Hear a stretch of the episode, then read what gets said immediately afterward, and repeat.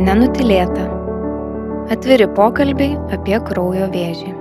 Sveiki, čia tinklalaidė Nenutilėta.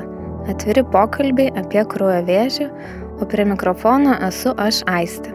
Tinklalaidėje mes kalbamės apie kraujo vėžį ir jo gydimą, emocinius iššūkius ir gyvenimo pokyčius, kuriuos atneša į atrodo nusistovėjusi gyvenimo ritmą ir kasdienybę visuomet netikėtai įsiveržianti onkologinė lyga. Savo patirtimi ir mintimis tinklalaidėje kviečiame dalintis kraujo vėžį išgyvenusius žmonės ir jų artimuosius, o patarimų ir naudingos informacijos laukiame iš gydytojų, psichologų ir kitų specialistų. Dešimtajame tinklalaidės nenutilėto epizode mes išgirsime Ramintos Vilkevičianės istoriją. Sakyčiau, jog kiekvienas e, onkologinės lygos patirtį turintis žmogus yra ypatingas, o štai šios dienos viešnios e, istorija yra tikrai išskirtinė. Raminta yra laboratorinės medicinos gydytoja, trijų vaikų mama, taip pat aktyvi asociacijos kraujas narė. Ūminės limfoblastinės leukemijos diagnozė Jie išgirdo balandžio pirmąją. Štai kaip ironiškai kartais gyvenimas sudėlioja įvykius. Deja, žinia nebuvo pokštas, o ir lyga pasirodė esanti labai atkakli ir sudėtinga. Džiaugiuosi, kad vis tik ramintos užsispyrimas, stiprybė ir žinoma šio laikinės medicinos galimybės lėmė tai, jog šiandien jį draugė su manimi yra studijoje ir pati papasakos apie nelengvą kelią, kurį jai teko įveikti. Tad netempiant gumos, manau, kad ir besiklausantiems taip pat kaip ir man yra nekantru visą tai išgirsti iš pačios ramintos lūpų. Labas, raminta. Labas, aistė. Ačiū, kad sutikai pasikalbėti ir pasidalinti savo istoriją su mūsų tinklalaidės klausytojais. Man visada malonu prisiminti dabar, kai jau praėjo šities daugiau negu 10 metų, visi 11 su pusė. Man nėra nepatogu grįžti į tą laiką, tas laikas buvo pilnas iššūkių, tikrai daug baimės kažkokios, žinoma, nerimo, bet taip pat ir labai gražių momentų, todėl su malonumu iš ties galiu šnekėti atviro širdimi, lūpomis ir tikrai apie, manau, kad nėra man tabų klausimų susijusių su šia lyga. Tai labai smagu, kad, kad tikrai e, yra tas noras dalintis. Ir pradėkim turbūt nuo to, iš tikrųjų gal gali prisiminti, nors jau seniai buvo, bet e, koks tavo gyvenimas buvo iki diagnozės ir kaip, e, kaip tu sužinojai, kokiamis aplinkybėmis apie kraujo vėžį Kaip, kaip visą tai nutiko, papasakok. Gyvenimas iš ties buvo, kaip sakau, galopo ritmu, nes buvau jauna, labai jauna mama, antro kurso studentė medicinos, kai gimė pirmagimis, kas tris metus pasipylė trys vaikučiai pabiručiai. Gimus trečiajam labai greitai likau vieniša mama, vis dar buvau studentė, bet jau baiginėjau rezidentūros, arba įpusėjus buvau rezidentūros studijas. Tai buvau jauna mama, vieniša mama su trim mažamečiais vaikais. Žinoma, darbas, reikėjo uždirbti pinigus vaikus išlaikyti ir studijos dar vis, tai vis, visas tas gyvenimas iš ties tiesiog rytosi kūlys. Ir tame buvo daug ir labai gražių momentų, be abejo, buvo ir streso. buvo metai šeimoje, e, stiprus sukretimas dėl brolio psichinės lygos Tai iš tiesų turėjau daug pergyvenimų, tiek skirybo, žinoma, paskui brolio lyga ir, ir manau, kad ta diagnozė išgirsta praėjus dar keliariems metams, iš ties jinai be galo sukrėtė, tai buvo visiškai netikėta, nes buvau tikrai stipri, sveika ir, ir kaip sakiau, lėkiau nežinau kokiu ritmu. Ir staiga, staiga tu supranti, kad stop, Stop tai reiškia, kad buvau permesta, kaip jau minėjo, esti iš gydytojos kažkokios pozicijos į ligonio poziciją, taip kaip per tvorą persviesta. Visas tas įvyko tiesiog per vieną dieną. Praktiškai diagnozę sužinojau kad sergu vėžiui. Vėžių tą pačią dieną, kai buvo paimtas kraujo tyrimas, tai užteko paprasto kraujo tyrimo, kad būtų akivaizdu, kad yra pilnas kraujas vėžinio, vėžinių lastelių. Ir kadangi tai buvo valandžio pirmoji, tai penktadienis, tai dar draugės viena kita skambino pokštauti, nors sakau, aš sirgu vėžiu. Ir tai pasirodo nebuvo pokštas. Ir Tai va, tai taip labai labai greitai, nes kraujo tyrimą pasidariau tik tai dėl to, kad apčiopiau keletą smulkių linkmezgių apipus kaklo iš nugarinės dalies ir netrodė man tai iš ties rimta, galbūt kolegės labiau paskatino nueiti išsitirti, tai, tai va, per kelias dienas ir pasidariau tą tyrimą, kadangi tas buvo paprastas, dirbau laboratorijai, tai iš ties būtų gėda buvę jo nepasidaryti. Bet daugiau kažkokių simptomų, kaip suprantu, ir nebuvo, kurie Visiškai. keltų nerimą. Visiškai nebuvo jokių simptomų, aš galvoju, atgal žiūrint, galbūt buvo truputėlį daugiau nuovargio, einant kažkur skubant, bet negaliu to sieti tikrai, kad tai buvo panašu į kažkokią lygą. Buvo pavasaris, buvo, nežinau, tiesiog visiškai nebuvo nieko, ką galėčiau įtarti ir ko galėčiau būti lauk, lauk, būčiau laukus iš to kraujo tyrimo. Tai kai atėjo kolegė iš tos laboratorijos, kuri daro kraujo tyrimą, tai tą tyrimą, tai jinai man paėmė už rankos, sako, einam pas hematologą. Aišku, hematologo popietė nebebuvo jau gana vėlokai, tai radom būdinčią daktarę Kryžauskaitę kraujo centre, tai jinai dar buvo vienas ramstis tą vakarą ir, ir tiesiog reikėjo išlaukti pirmadienio, kuomet jau praktiškai tą pačią dieną buvo pradėtas gydimas pirmadienį patikslinus diagnozę. Mhm. Ir kaip, kaip, mm, nežinau, tą savaitgalį turbūt minčių tai buvo nuo iki, ar ne? Tokio tai buvo daug minčių, bet buvo vaikai, reikėjo su vaikais savaitgalį, buvo renginiai numatyti ir mokyklos vienas buvo teatro, spektaklio renginys vaikų, kitas buvo pirmosios komunijos užsiemimas dukros, tai Tai kažkaip reikėjo laikytis, tiesiog negalėjau kažkur labai nusisvaigti, nes diagnozė iki galo nebuvo patvirtinta, mhm. žinoma, tikėjausi kaip ir geriausio toks daktaras sveikas, sveika būtybė, bet dėja, dėja, tyrimai vėliau tai tik blogėjo. Kuo, labiau detaliau tyrinėjo šitą leukemiją mano, tai tuo labiau buvo aišku, kad e, tikrai e, nepalanki diagnozė ir e, būtinas ne šiaip chemoterapinis gydimas, kuris galėtų pagelbėti, bet tikrai transplantacija bus reikalinga, kad mm. tikrai bus ilgas tas gydimas, ilgai gulėsiu ligoniniai. Tai, tai va, tai va, tas savaitgalis taip kažkaip, aišku, daug nerimo buvo. Bet... O kaip manai, ar dėl to, kad pati dirbi medicinos rytyje ir nesi gydytoja, ar dėl to yra kažkiek sunkiau priimti, nes atrodo, nu kaip čia taip Nes dažnai būna, kad kai medikai susirga, jie taip pasako, kaip aš čia medikė ir va. Man... Nu, galbūt studijuojant mediciną, tu įsivaizduoji, kad bent jau aš įsivaizdavau, kad aš žinosiu apie lygas, bet šiandien ne mano, nes, nu, apskritai aš buvau sveiko gyvenimo propaguotoja ir šaltas dušas rytais ir judėjimas, aktyvumas fizinis, tai buvo mano, taip pat ir mytybos bent jau kažkokios e, laikymasis ar tendencijų sėkimas daržovės, vaisiai ir panašiai. Mhm. Tai aš tikrai tai diagnozė buvo visiškai netikėta, tai visiškai neturėjo būti man. Dar gal kartais atrodė, kad gal čia dar supainiota kas nors, bet, bet sunku dėl to, kad medika tai man nebuvo. Man atrodo, kad man kaip tik gal buvo lengviau, nes aš žinojau daugiau. Pagaliau aš ir gydžiausi toj pačioj gydymo įstaigai, kurioje dirbu. Tai tiesiog mane lankė kolegės, nešė man ir maistą, ir, Ir, nu, tiesiog buvo dėl to galbūt lengviau. Tai gerai, atsigulė į ligoninę, ar ne, iš karto. Ir kokie tie gydymo etapai sekė? Žinau, kad jų buvo ne vienas, tai na, pabandykim pradėti galbūt. Ja, iš karto, kai atsiguliau, kadangi pasakė profesorius Griškevičius, kad reikės ilgo čia gydymo, ilgai voliosiuosi lovai, aš tą pačią dieną nuėjau kirpyklą santoros klinikose veikiančią ir nusiskutau plikai. Ir nes, kaip, kaip žinau, kaip paskui teko patirti daug žmonių tiesiog to plikumo, čia jiem būna vos nedidžiausia bėda viso mhm. gydimo pasiekmė, kad nupliks. aš to priemiau kaip iššūkį ir iki šiol visai džiaugiuosi trumpa šukuosena.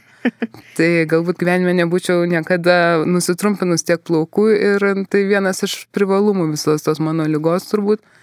O gydimas tai iš ties jisai buvo iš karto numatytas etapais tam tikrais, nes buvo aišku, kad reikės mėnesio įvadinę chemiją hormonais, stip, stip, stipri hormoninė hormonų dozė paskui sekė chemoterapijos viena po kitos, tai beveik tris mėnesius praleidau ligonės, tai vadiniu gydimu tokiu, tada išleido keliom savaitėm atsigauti ir, ir transplantacija sekė. Nu, o kai paguldė iš pat pradžių ligonę, aišku, tyrė ir visą mano šeimą dėl tinkamo kaulų čiulpų donoro. Ir kadangi esu iš penkių vaikų šeimos, tai netgi du broliai, vyresnis už mane ir jaunesnis už mane buvo tinkami donorais būti. Tai čia buvo turbūt pati tokia pirma geroji žinia visų mhm. tyrimų. Pasisekė tikrai. Spektre, tai. Mhm. Ir kaip ta transplantacija, ar ne, buvo tuomet? Taip, tai transplantacija įvyko rūpiučio pirmą dieną ir atrodė, kad čia bus antrasis gimtadienis tuo metu. Bet taip, transplantacija įvyko turbūt kaip ir daugelį, tai buvo žinoma stipri chemoterapija, tos kelios dienos visiško nukritimo, paskui ilgas laukimas, tai yra kelių savaičių, daugiau gal beveik trijų, kol pradeda atsinaujinti kraujodara ir atsiranda kraujo lastelės organizme. Tai ja, didelių komplikacijų man nebuvo, iš ties aš kažkaip praėjau per visą tą laikotarpį praktiškai be, be jokių papildomų infekcijų ar, ar kažkokių stiprių labai komplikacijų. Žinoma, tam tikros e, gleivinių pažeidimai, kaip ir visiems pridera, tai tų neišvengiau. Bet dėja, šita pirmoji transplantacija netapo mano gimtadienio data, nes po jos remisija truko virš metų ir tada atsinaujino lyga. Tada, žinoma, buvo dar didesnis sukretimas, sakyčiau, gal man pačiai, nes kažkaip tai vis tiek tuo metu tikėsi, kad ta transplantacija tave išgelbėjo ir jau tu čia sveikas. Aišku, po transplantacijos aš irgi vartoju papildomai vaistus, tai yra tirozinkinazės inhibitorius, tik tai pirmos kartos tuo metu vartojau, e, nes prie šitos diagnozės tas buvo būtina, bet tačiau jie manęs neišgelbė ir visas tas kompleksas neišgelbė ir jau po metų gerų m, mm, iš naujo e, įvyko atkritis ir tada iš karto buvo transplantuota antrą kartą. Ir donoras vėlgi brolis. Donoras buvo tas mhm. pats. Mhm. Ir, ir, ir, ir tais 12 metais e, po transplantacijos buvo aišku, kad ko gero neužtenka viso šito, nes tai nu, atitinka tik tai tą patį gydimą, kuris buvo prieš tai. Ir tada tyrinėjant detaliau leukemija buvo nustatyta mutacija, kuriai yra tinkamas tuo metu netgi nebuvęs Europos rinkoje vaistas, trizinkinazijų trečios kartos e, atstovas, panatinybas. Ir dėjo jo Lietuvoje nebuvo, tai visa komanda hematologų bandė ieškoti Europai, kaip jį galima gauti. Kažkaip ta paieška nevyko taip sklandžiai, kaip gal galėjo, galėjau ir aš pati tikėtis, tada ėmiausi šiokios tokios iniciatyvos ir pati. Aišku, pats pacientas toks esi truputėlį kosmose, nes tuo metu atrodo, ai, gal rytoj, gal po savaitės, po mėnesio, kažkaip tai tai turėjau pažįstamą Didžiojo Britanijoje ir jisai man pagelbėjo rasdamas profesorę Londone. Ir ne tik tai, kad rasdamas ją ir skatindamas ją įrašyti, parašyti, bet ir dar paskambinęs paklausti, ar jau parašėjo. O buvo kalėdos, gal po kalėdinis laikotarpis, nesakau, tai aš ten vėliau Ir jisai primiktinai tiesiog prispaudė mane dabar ir, ir ačiū jam, nes galbūt ir nebūtų užtekę to laiko vėliau gauti, kadangi tie tyrimai pradėjo labai vėl atsirado blogėjantis jau sausio mėnesį ir, ir supratau, kad iš tikrųjų aš nuo vasario 6 gavau tos, pirmą kartą važiavau į Londoną, gavau tos savo vaistus stebuklingus ir manau, kad tas buvo pačiu laiku, nes nes būtų lyga turbūt nebe, nebesuvaldoma dar mhm. uždėlsus. Ir tie vaistai tapo tuo bilietu, ar ne? Tie vaistai iš tikrųjų tapo tuo bilietu į gyvenimą tuo metu ir, ir tokia kaip panacė ir stebuklas, nes nes gavau nemokamai, iš tikrųjų turėjau važiuoti tik taip, kad pati į Londono ligonę. Ir konsulta, konsultavo mane ta profesorė, padarė papildomai tyrimus Londone. Ir iš ties gavau vos ne kitą dieną tos vaistus, paketą, mhm. trim mėnesiam gal. Ir parvažiavau ir toliau turėjau vėl važiuoti po trijų mėnesių gauti. Tai tai važiavau kelis kartus aš pati pas ją. E, vėliau įvyko toks dalykas, kad tie vaistai buvo e, tarsi lega, jau į, į, į, į, val, įgalinti Liet, Europoje ir e, man pasakė, kad aš nebegalėsiu gauti taip, kaip jų gavau. Aišku, irgi taip kaip ir sustresavau, bet irgi atrodė viskas taip kaip per miglą, nes tuo metu tu netiki liktai tą žinią ir, ir aš nežinau, įvyko vėlgi su to vaistų per daug komplikacijų ir jį gražino vėl į, į, iki nežinau kaip čia įvardinti, rinkos stadiją, iki rinkos stadiją. Ir tokiu būdu aš sėkmingai toliau juos gavau ir, ir dar vėliau mane tiesiog pervedė į kitą organizaciją, Max Foundation, retom lygom sergantiems pacientams, e, tiesiog tiekiant, tiekianti vaistus. Ir kadangi šitą lygą mano, aš tuo metu buvau viena, kurie Lietuvoje vartojo šitą vaistą, prieš mane buvo keli ligoniai, kurie dėja jo nesulaukė tą pačią diagnozę ir, ir turbūt aš atitikau tą standartą. Na, bet nežiūrint viso to, šitas stebuklingas vaistas manęs iki galo vis tiek neišgelbė. Praėjus dar gal pusantrų metų, beveik dviem metam, vėl lyga sugrįžo. Tai jau trečią kartą. Trečią kartą ir tada turbūt buvo, nežinau, dar didesnis siaubas, nes jau kaip atrodė visos galimybės išsemtos ir kodėl negrįžo, jeigu šitas vaistas yra toks geras ir taip gerai man tinka. Ir visos tos transplantacijos įvykusios ir kaip ir atrodė viskas gerai. Ir daktarai taip pat susėmė už galvos ir daug matomai tarėsi mąstė, nes tada nusprendė, kad mano lyga grįžo per, per likvaros smegenų skyščio E, barjerą, tiesiog tas vaistas galbūt efektyviai nepatenka tenai, jo, jo veikimas ten nėra efektyvus, o vėžinės lastelės, mano vėžinės lastelės tenai pateko. Ir ačiū visiems daktarų sumanumams ir iš ties žinioms, kad e, buvau pradėta gydyti Ir anksčiau šiek tiek man darė tų intratekalinių punkcijų, tai yra, kai likvoro kanalą, į stuburo kanalą sulašina cheminius preparatus, tiesiog veikiančios vėžinės lastelės, tai jie buvo labai suintensyvinti, daug tų punkcijų turėjau su, suleidžiant vaistus cheminius. Ir galų gale dar pritaikius ir bendras chemoterapijas, po jų man buvo atliktas galvos smegenų ir nugaros smegenų švitinimas. Tai visa ta smegenų skysti, kuriam galimai galėjo būti kažkokios lastelės, tiesiog radioterapija e, pritaikė jam. Ir manau, kad tai buvo tikrai tas bilietas į sėkmę, aš iki šiol geriu vaistą tą patį. Mhm. Ir dar kurį laiką po to buvo tokios profilaktinės tos chemo injekcijos į stuburo kanalą tęsiamos, bet jau turbūt kokie penki metai, kaip aš likau tik tai su tabletėm. Tai kaip, kaip labas rytas, tai ir išgeriu tas dvi tabletės ir tada jau viskas, kaip ir manau, iki šiol esu visiškai sveika, jaučiuosi visiškai gerai. Tai manau, kad taip ir tęsiu. Tai to ir linkiu. Ačiū. E, tai dabar laiko atžvilgiu nuo diagnozės iki to, nu, nežinau, kuri čia tą užbaigimo etapą sakyti, bet kiek užtruko, nu, iki, aš nežinau, ar tu e, e, remisijoje dabar, ar kažkaip. Nu, tai nežinau, kaip čia vadinti, tikriausiai remisijoje, aš kas mhm. tris mėnesius vis tiek einu tyrimam profilaktiniam atlikti ir tų mėgintuvėlių paima ten 15.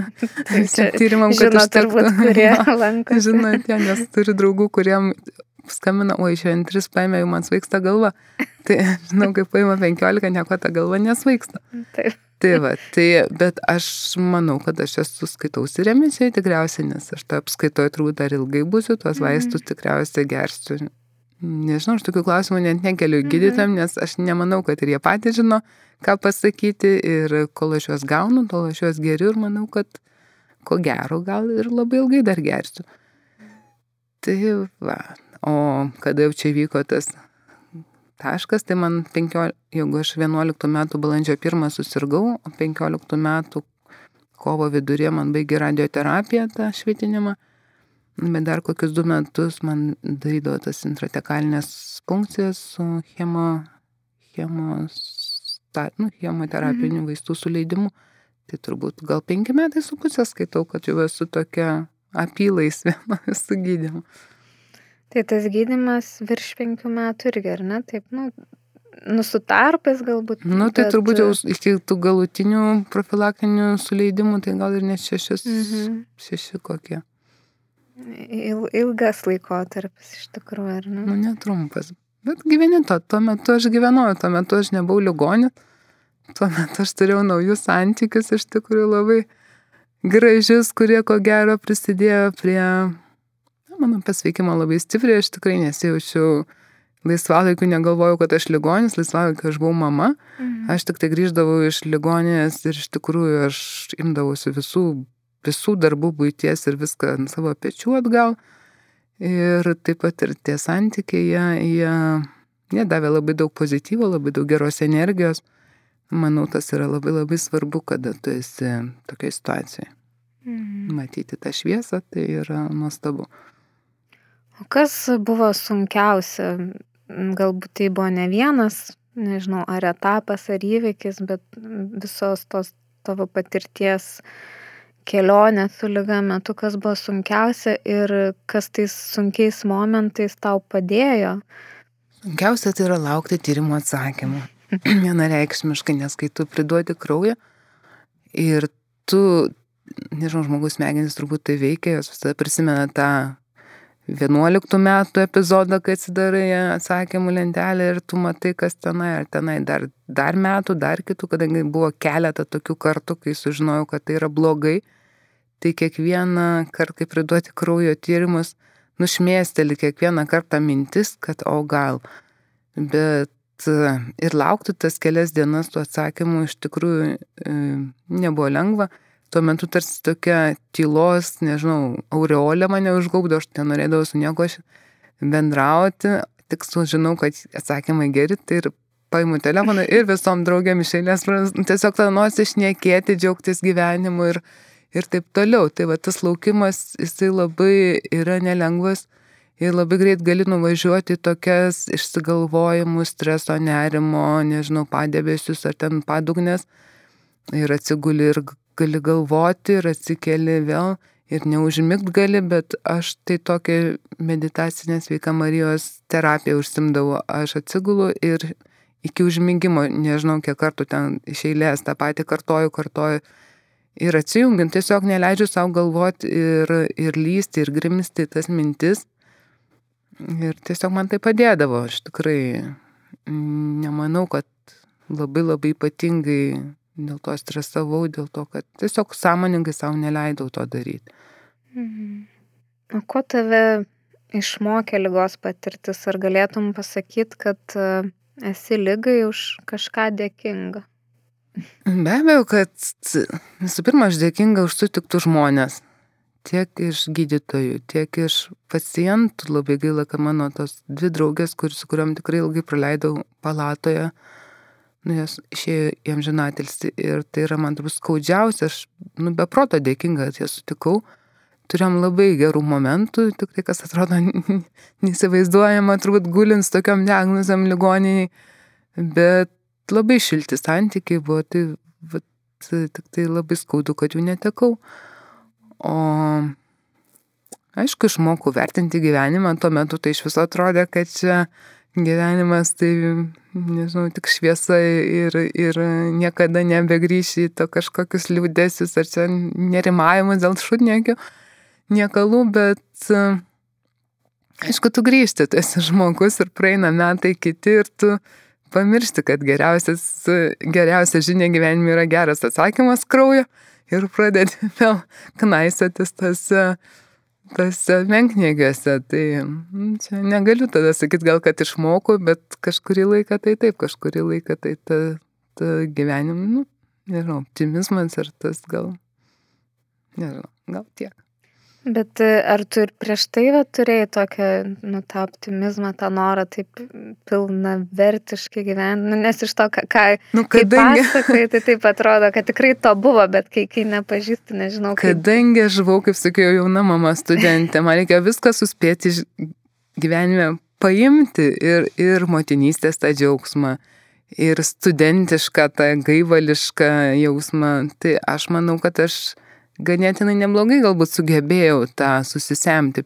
Bet aišku, aš, ne, aš esu optimistė, aš esu, um, nežinau, save turbūt laikau tikrai nu, daug šviesos matanti, bet be abejo, kad būna ir kaip kiekvienas žmogus gyvenime, tų pilkų dienų būna ir liūdėsio, ir, ir, ir skaudinimų kažkokiu, ir kaip ir sakau, iš tų smulkmenų užsikabinimo, nu, to stengiasi kuo mažiau dabar tikrai daryti ir suvokti, kad jo, gyventi reikia šiandien, gyventi reikia kiekvieną dieną, kiekvieną minutę ir stengtis tai išgyventi dieną. Bet iš kitos pusės ir visi tie e, tokie, kaip sakai, žmogiški dalykai, jie yra visiškai turbūt normalu ir paliudėti ir tai, susinervinti dėl kažko. Tai bet turbūt, e, nežinau, yra tas vis tiek kažkoks didesnis vertinimas, galbūt tų paprastų dalykų, toks suvokimas, ar ne, kad...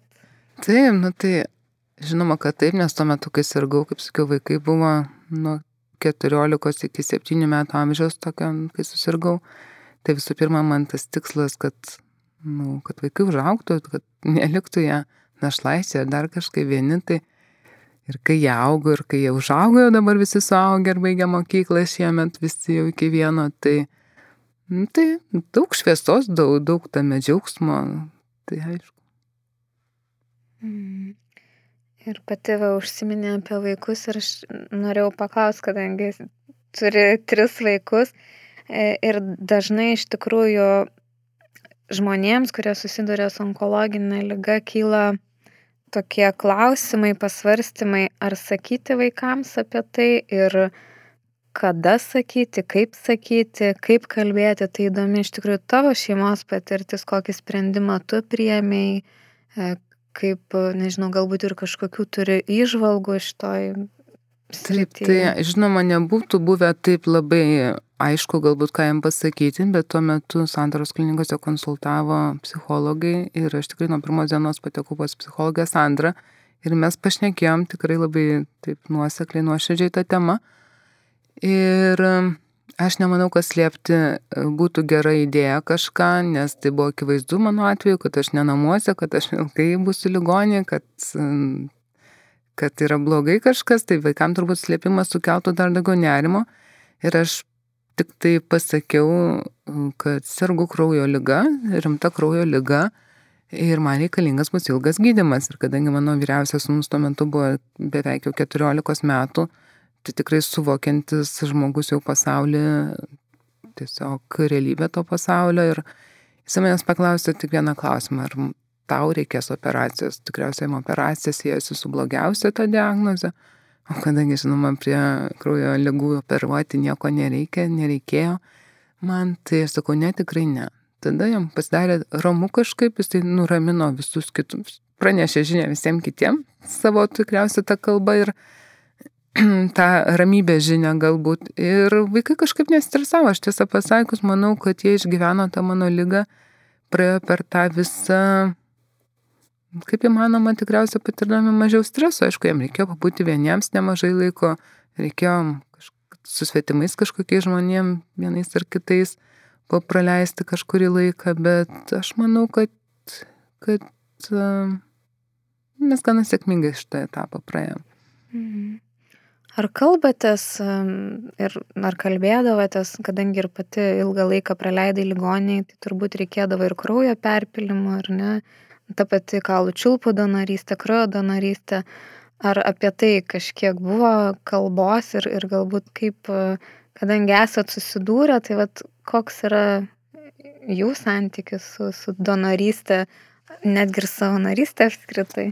Nu, iš tiesų, galbūt ir galėtų būti dar gilesnis, nes be abejo, kad mano broliai, tarp kitko, tapo tada kraujo, čiulpų, kraujo donorais ir vienas iš tiesų yra gana daug kartų davęs kraują mano galbūt sūnus, du turiu du sūnus ir dukrą, tai žinoma, dukra kaip ir mažesnė mergaitė, tai jinai, ko gero, nelabai ir tiktų būti kraujo donoru. Nu, sūnus yra davęs kraujo ir galbūt nuolatiniu donoru netapo, nes iš tiesų dar jam ir yra kur pasireikšti. Mano vaikai studijavo užsienį nemažai, tai galbūt ir tas truputėlį įtakojo, kad nelabai čia to kraujo donų jam pavyko, pavyko tapti e, nuolatiniu. O taip, aš pati iš tiesų esu daug labai kraujo perpilimų patyrus ir kažkas yra paskaičiavę, kad kažkada jau buvo 150, tai turbūt po to dar truputį, dar gal ir daugiau yra perpilta to kraujo arba jo produktą, aišku, tiek kraujas tai yra ir eritrocitai, ir trombocitai, ir plazma, tai įvairūs perpilimai. Tai, va. Tai be abejo, pati tai aš irgi labai skatinu donorystę ir, ir kadangi mano darbas susijęs su, su donorų tyrimu, tiek ir kaulų čiulpų donorų tyrimu buvo susijęs prieš tai, tai, tai taip, aišku, visom, visom keturiam, tarp kitko lygiai prieš metus nuo savo diagnozės, tai ten 2010 balandžio pirmą dieną, Aš buvau pati nuėjusi kraujo centrą, norėjau donuoti, būti tapsi kraujo donorė, bet manęs nepriemė, sakė, viškai, bet trūksta hemoglobino, tai sakė kitą kartą. Nu, tai jau po metų pačiai prireikė pagalbos, tai toks irgi mhm. gana ironiška ta data. Tu pati gydimo metu, kaip suprantu, nemažai domėjai ir savo lyga, ir gydimo galimybėmis, nu, čia, čia galėsi pat, pati pasakyti. Tai klausimas apie tai, ar manai, kad svarbu yra domėtis ir galbūt kaip reikėtų tai daryti tavo nuomonė. Nu, vat šitą vietą gal nelabai sutinku su klausimu, nes aš iš tikrųjų nesu tiek stipriai, niekada neskaičiau apie savo lygą. Mm, aš aišku žinojau tiek, kiek medikė, turbūt daugiau negu eilinis žmogus ir tikriausiai man to ir užteko praktiškai. Ir tai, kad mano mutacija yra ten išgyvenamumas, nežinau, koks tai buvo, gal negaliu tikrai pasakyti, bet 10-15 procentų aš net nenorėjau to žinoti. Aš tą žin, daugmaž nujaučiau nujautimo būdu, bet, bet ir pradėjus vartoti šitos vaistus, kuriuos iki šiol vartoju, tiesą pasakius, aš tų komplikacijų ir pašalinių reakcijų aš jau net neskaitau, nes ten jų yra tikrai, tikrai labai daug. Ir vos ne viena staigi mirtis gal. Aš tikrai nenoriu to fiksuoti ir man... Ta prasme, aš kaip medikė, kaip suprantanti situaciją, aš labai stengiausi e, vengti e, infekcijų tuo metu, ypač kada vyko tas aktyvus gydimas, kada kraujo rodikliai buvo labai žemi. Aš gulėdama ligoniniai, aš valydavausi palatą, man neužtekdavo to, kad ateina valytoja ir prabraukia savo šluotą. Aš atitraukdavau lovas, valydavau kampus, mano broliai ir e, kolegės vyras išnaikino pelėsę pačią pirmą savaitę, kai mane paguldė ligonės kampe įsiveisusi, palatos kampe. E, taip pat aš stengiuosi judėti kuo daugiau, kad visiškai neprarasti to, nežinau, tų pačių jėgų, nes kažkur paskui jų gausi. Tai, e, o judėjimas palatų yra labai ribotas, tai aš valydavau langus, kad pajudėti. Na, aš tą patį šaltą dušą su visom lašelinėm prijungtais kateteriais aš sugebėdavau nueiti dušą ir palysti po šaltų vandeniu netgi transplantacijos palatoje. Tai aš galbūt taip prisidėjau prie savo sveikatos, o ne domėdamasi šalutiniais reiškiniais, komplikacijom galimom ir savo į smegenų lastelės tą įrašydama žinią. Galbūt aš tiesiog sąmoningai norėjau to išvengti. Tai Tai turbūt ir forumų neskaitydavai. Kur... Ne, ne, ne, tikrai ne, ne. Aš tik tai, kad e, buvau prisijungus, tikrai ne vieną lankiau psichologinę grupę onkologiniam lygom sergantiems organizuotą ir, ir vat, pasidalinti su žmonėm gyvai, sėdint glaudžiam rate žmonių, e, tas man tiko, patiko ir vienas kito išklausyti, galbūt išsisakyti, pasisakyti. Tikrai tai, tai manau, irgi labai reikalinga ir, ir tuo pačiu pasidalinti ir kažkokiam tai patirtim gerom ar e, naudingais patarimais taip pat. Tai, tai šitą aš tikrai propagavau. Mhm, bet mažiau tokio negatyvo, ar ne? Ir taip, taip, kažkokių ne. gandų, nuogirdų. Aš šiaip pritariu irgi tam, kad uh, jeigu ta informacija gali paveikti neigiamai. Nes tai praktiškai turbūt... kiekvienas vaistas turi pašalinių reiškinių, tas pats elementarus aspirinas ar ten neparacetamolis. Tai jeigu tu paskaitysi savo priešvėžinių vaistų pašalinį reiškinį, nu aišku, tas, o tu jį geri ilgai, metų, metus, dešimtmetį, tai, nu aš net nenoriu, kad man mintyse kažkur giliai būtų ta, ta mintis ir tiesiog. Mhm.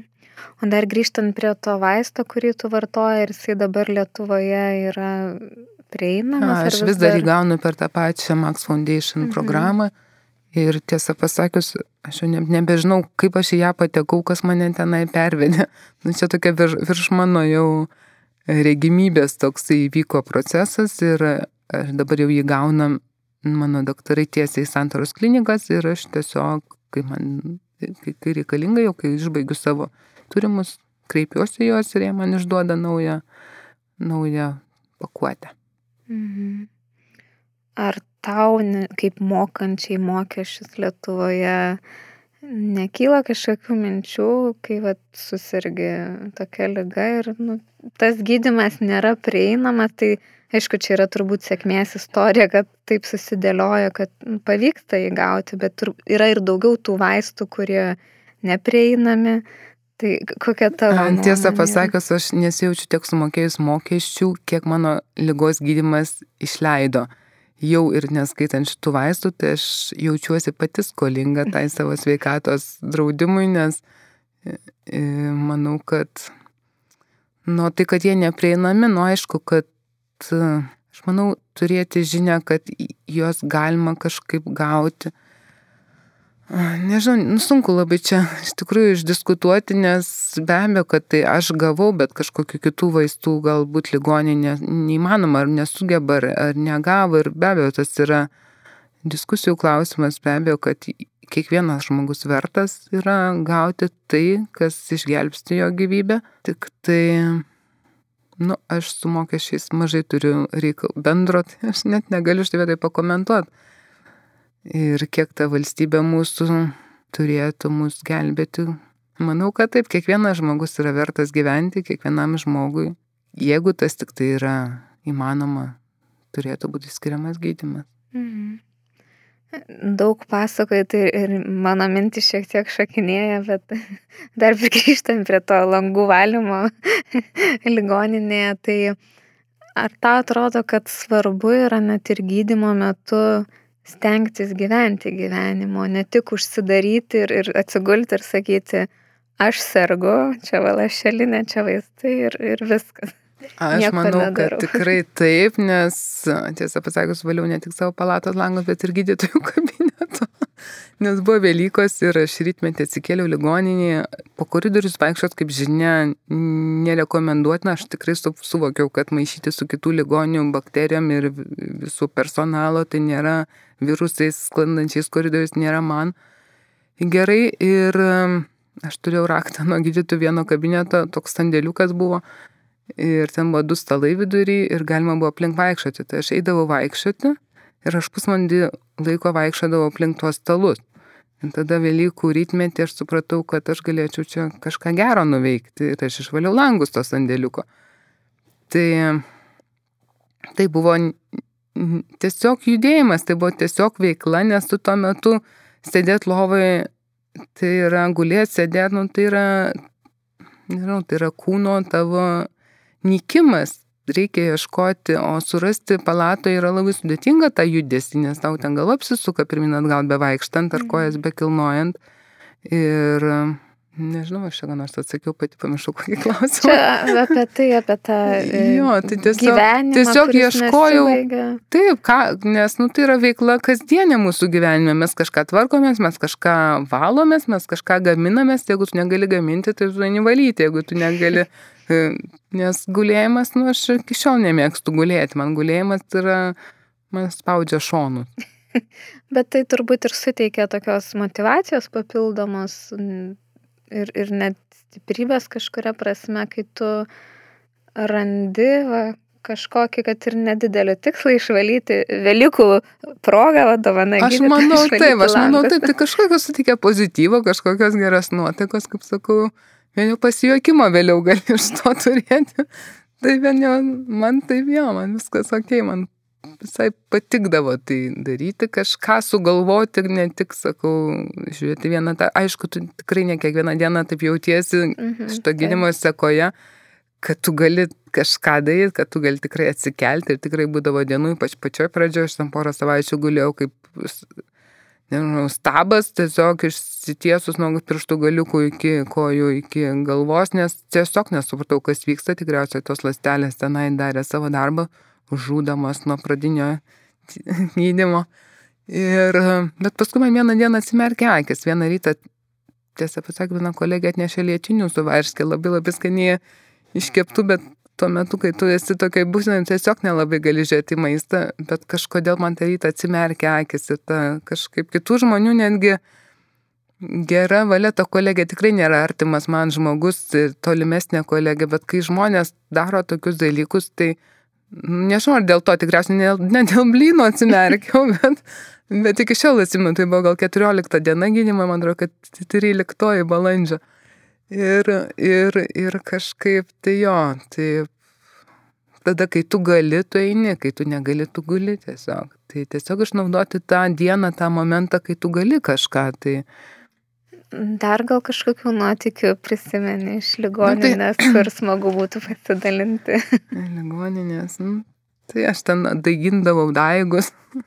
Kažkelina, bet jau ne pradžioje, čia buvo, kai buvau įgudusi pacientė, gal su trečiu tuo atkričiu, aš atsivežiau visą lagaminą į palatą ir ten buvo stiklainis sėklų daiginimui, merliukai tam uždengimui. Aš buvau pasiryžusi, nežinote, kai guli ligoniai mėnesį, du, tris ir paskui kartotinai, tu ligonės maistą apskritai žiūrėti nebenori. Man dar dabar valgykloje darbe primena kartais maistas tą patį, pacientų skonį kažkokį, tiesiog sugrįžta momentaliai visas prisiminimai ir tada tu bandai kažkaip išsisukti ir, ir va tie, tie dalykai tokie. Taip, turėjau savo drėkintuvą atsivežusi ligonę su aromaterapijos kvapais nu, kažkaip nuo, nuo visos tos rutinos bandžiau tarsi gelbėtis, bet e, dar buvo toksai nuotykis ligoniai, kadangi ten tuo metu vyko statybos, e, aukštesnių aukštų poros pristatymas, tai vieną e, dieną mus evakuavo, nes pradėjo bėgti kibirais vanduo. tai va, tokių visokių buvo nuotykių. Tu kaip patyrusi tokia A, tai pacientė, gal turi kokių praktinių patarimų iš tikrųjų žmonėm, kurie galbūt ruošiasi pirmam savo vizitui, bet turiu omeny jau gultis į ligoninę, ką pasimti vertėtų, apie ką pagalvoti. Mm. Nu, klausimas, toks sunkokas klausimas, dabar kažkaip net gal tokio krepšelio ir neatsimenu, kas jau buvo taip labai labai svarbu. Nu, aš tiesiog nemažai dėmesio skiriau hygienai, turbūt tiek burnos hygienai, tiek tuo metu, aišku, kai dar COVID nebuvo, tos rankos taip plaunamos stipriai nebuvo, bet aš valydavau savo palatos ir rankenas, kai seselė išeidavo, nes supratau, kad jos vis tiek vaikšto nuo palatos į palatą. Visą tą dariau tiesiog, kad išvengti kažkokių hospitalinių infekcijų, kas nu, yra na, natūralu, kad įvyksta ligoninėse. Aišku, tas vėdinimasis buvo irgi tokios situacijos, kai Jeigu guli su kažkokia močiutė, jinai atsidaro duris palatos, o aš uždarau duris, atsidarau langą. Ir tada tarsi toks mini konfliktas, nes supranta, kad vedinasi per koridorių, aš suprantu, kad vedinasi palata iš lauko. Tai, nu, va tokie dalykai, o be to, kas savo asmeninius daiktus ar ten kažką, tai, nu, ne, net nežinau, žinokit dabar. Gal, kaip tu ir užsiminiai, iš tų tokių pomėgių, ar ne, kai, kai va, tu turėjai kažkokį tikslą užsidaiginti, pavyzdžiui, ar ne, tai čia irgi. Nu, tai galėtų... man tuo metu pasirodė, kad čia visai logiškas e, racionas dietos papildymo, kai tu nenori valgyti ligoninės maistą, nu taip, tada apgalvoti, ką galima, turbūt. Dabar jau ligoninės gal truputėlį geriau tie skyriai yra įkurti su virtuvėlėmis, kai kurie tai tai išties pagalvoti, kad tu galėsi pats lengvai, galbūt net kito nepadedamas pasidaryti ir, ir, ir turėti tiesiog, kas tave pradžiugintų arba. Ir turbūt, jeigu pomėgių kažkokių yra, kuriuos įmanoma daryti ligoniniai. Taip, taip. tai irgi vertėtų mhm. pasimti, ar ne? Na ir e, pabaigai turbūt e, e, noriu paprašyti, kad remdamasi savo patirtimi, pagalvotum, ko galima palinkėti, ko pati norėtum palinkėti žmonėms, kurie šiuo metu patiria kažkokių lygos iššūkių arba galbūt ką tik sužinojo diagnozę ir yra tokie kupini to nerimo, nežinomybės, išgaščio. Koks būtų tavo ar keli kažkokie svarbiausi dalykai? Mhm, aš manau, kad vat, matyti šviesą tame tunelyje yra labai svarbu, tikėti, kad galima iš to išeiti, neužsikabinti už blogiausių tų minčių ir juose ne, ne plūduriuoti, negyventi, ne, neprisileisti tos baimės į save, nes iš tikrųjų jinai labai greitai randa tą nišą įlysti ir sukelti virpulį vidinį kažkokį, tai nes tikėti, kad tai yra lyga šiuo metu, tai nebėra daugeliu atveju nuosprendis, tai yra daugybė išeičių ir mes esam tokie stiprus, kad e, visą tą galima įveikti, nes kaip yra posakis, neduota daugiau negu gali. Tai jeigu duotas šitas etapas, galbūt tai yra stabdis, tai yra pristabdymas gyvenime tam tikrų, galbūt tai netgi yra apsauga nuo kažkokio dar blogesnio įvykio. Ir manau, kad nu, taip ieškoti tame, sunku pasakyti pozityvumo, bet nu, vis tik tai tame yra daug, taip pat daug šviesos ir tam tikrų galimybių tame yra. Ir, ir matyti save toje šviesoje Ir jeigu yra galimybė pasveikti, tai reiškia, jūs ir pasveiksit. Ačiū, Raminta. Man tu atrodai be galo stipri moteris, nežinau, ir, ir to, tokia įkvepianti vien iš tų pasakojimų. Tai labai, labai džiaugiuosi, kad sutikai pasidalinti savo istoriją. Kaip ir minėjau pradžioje, jinai tikrai yra išskirtinė ir labai vertinga. Ir smagu, kad ir daugiau žmonių išgirs. Ir net nebejoju, kad įkvėps ramintos pasidalintos mintis optimizmo, tikėjimo, šviesos, vilties galbūt, kovojant su savo gyvenimo iššūkiais. Ir nebūtinai tai turi būti turbūt lyga, bet visokių jų būna. Tai Ačiū dar kartą. Ačiū Jums ir tikrai linkiu visiems sveikatos ir e, neškite vilti tą savo širdėje. Nepasiduokite. Ačiū visiems, kurie klausėtės šio epizodo. Jeigu šis pokalbis Jums pasirodė įdomus, nepamirškite jo pasidalinti savo socialiniuose tinkluose. O kitame epizode su gydytojo hematologe kalbėsime apie vieną dažniausių kraujo vėžio formų - limfomą. Tad kviečiu pasiklausyti šio pokalbio kitą mėnesį.